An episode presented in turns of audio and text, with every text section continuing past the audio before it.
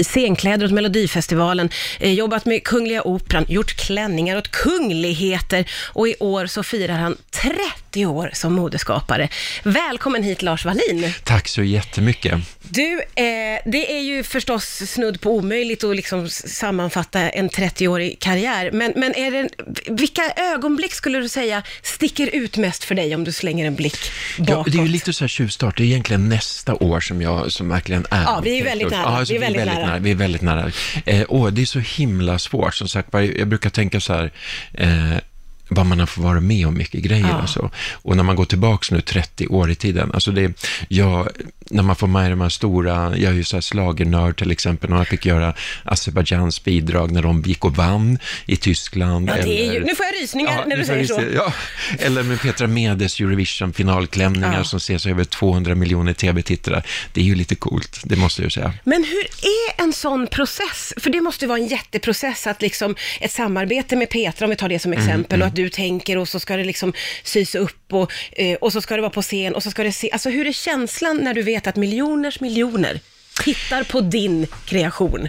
Ja, men jag försöker att inte tänka på just den aspekten då, för då skulle jag nog få lite panik.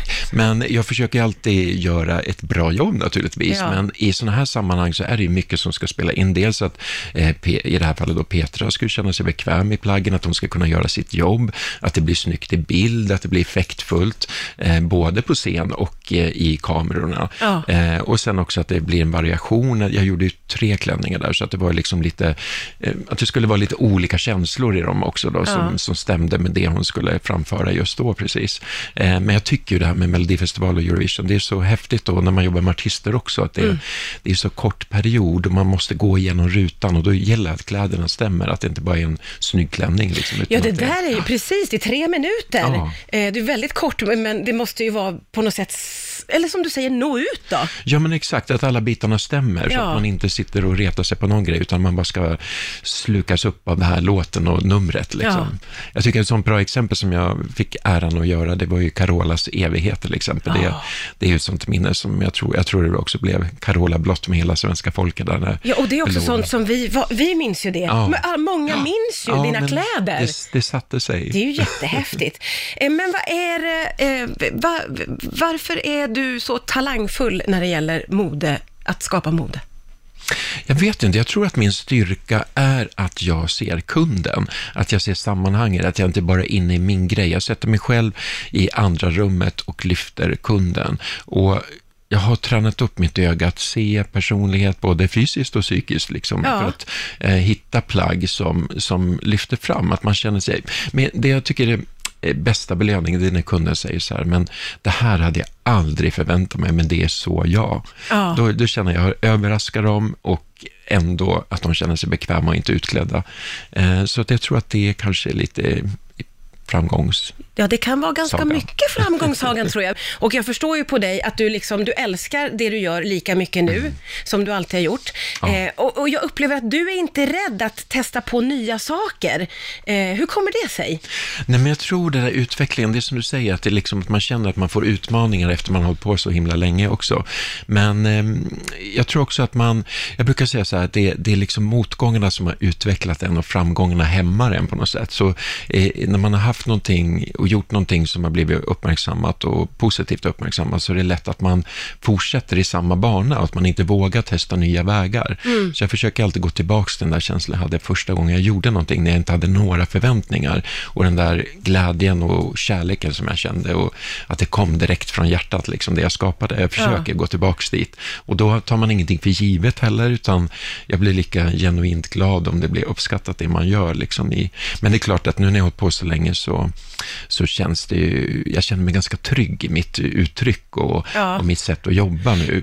Vad skönt, för jag tänker också att det finns väldigt mycket förväntningar på dig, ju mer du gör och ju längre du har gjort. Alltså, ditt namn, då, då det kommer med förväntningar. Ja, och framförallt, jag, jag brukar säga, jag, jag liksom jämför mig inte med andra, utan jag tävlar med mig själv. Liksom. Mm. Men eh, jag försöker, jag, jag tycker det är viktigt att känna att man utvecklas, att man får utmaningar. Och Mm.